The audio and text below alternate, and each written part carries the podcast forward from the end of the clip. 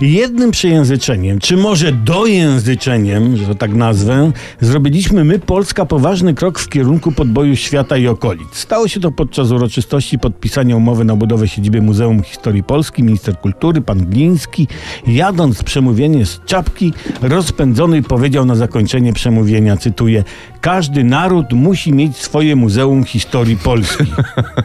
tak powiedział. I jest to słuszne stwierdzenie. Niemcy powinni mieć swoje Muzeum Historii Polski, Stany Zjednoczone, Francja, że tu wymienię tylko tyle narodów, a jest ich na świecie w cholerę. Dużo muzeów się szykuje.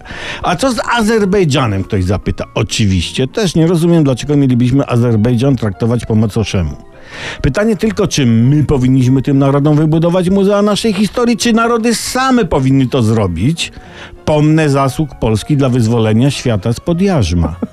A nawet spod wielu jarzem, jarzm, ja, jarzm, jam, rzym, Jarzemów. Jarzemów, Jarzyn. ja, ja, jarzem niezrozumienia i nieporozumienia co do naszych kierunków przez nas wytyczanych i realizowanych na przestrzeni dziejów, która to realizacja natrafiała na liczne przeszkody w postaci choćby Tuska. Choćby Tuska.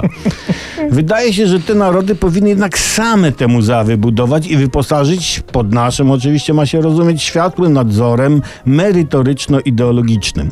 Problem widzę jedynie w przypadku wędrownych plemion koczowniczych na Saharze. Tu widziałbym raczej takie ruchome muzea historii polskiej, jakieś figurki, jakieś zdjęcia, wszystko pod namiotem.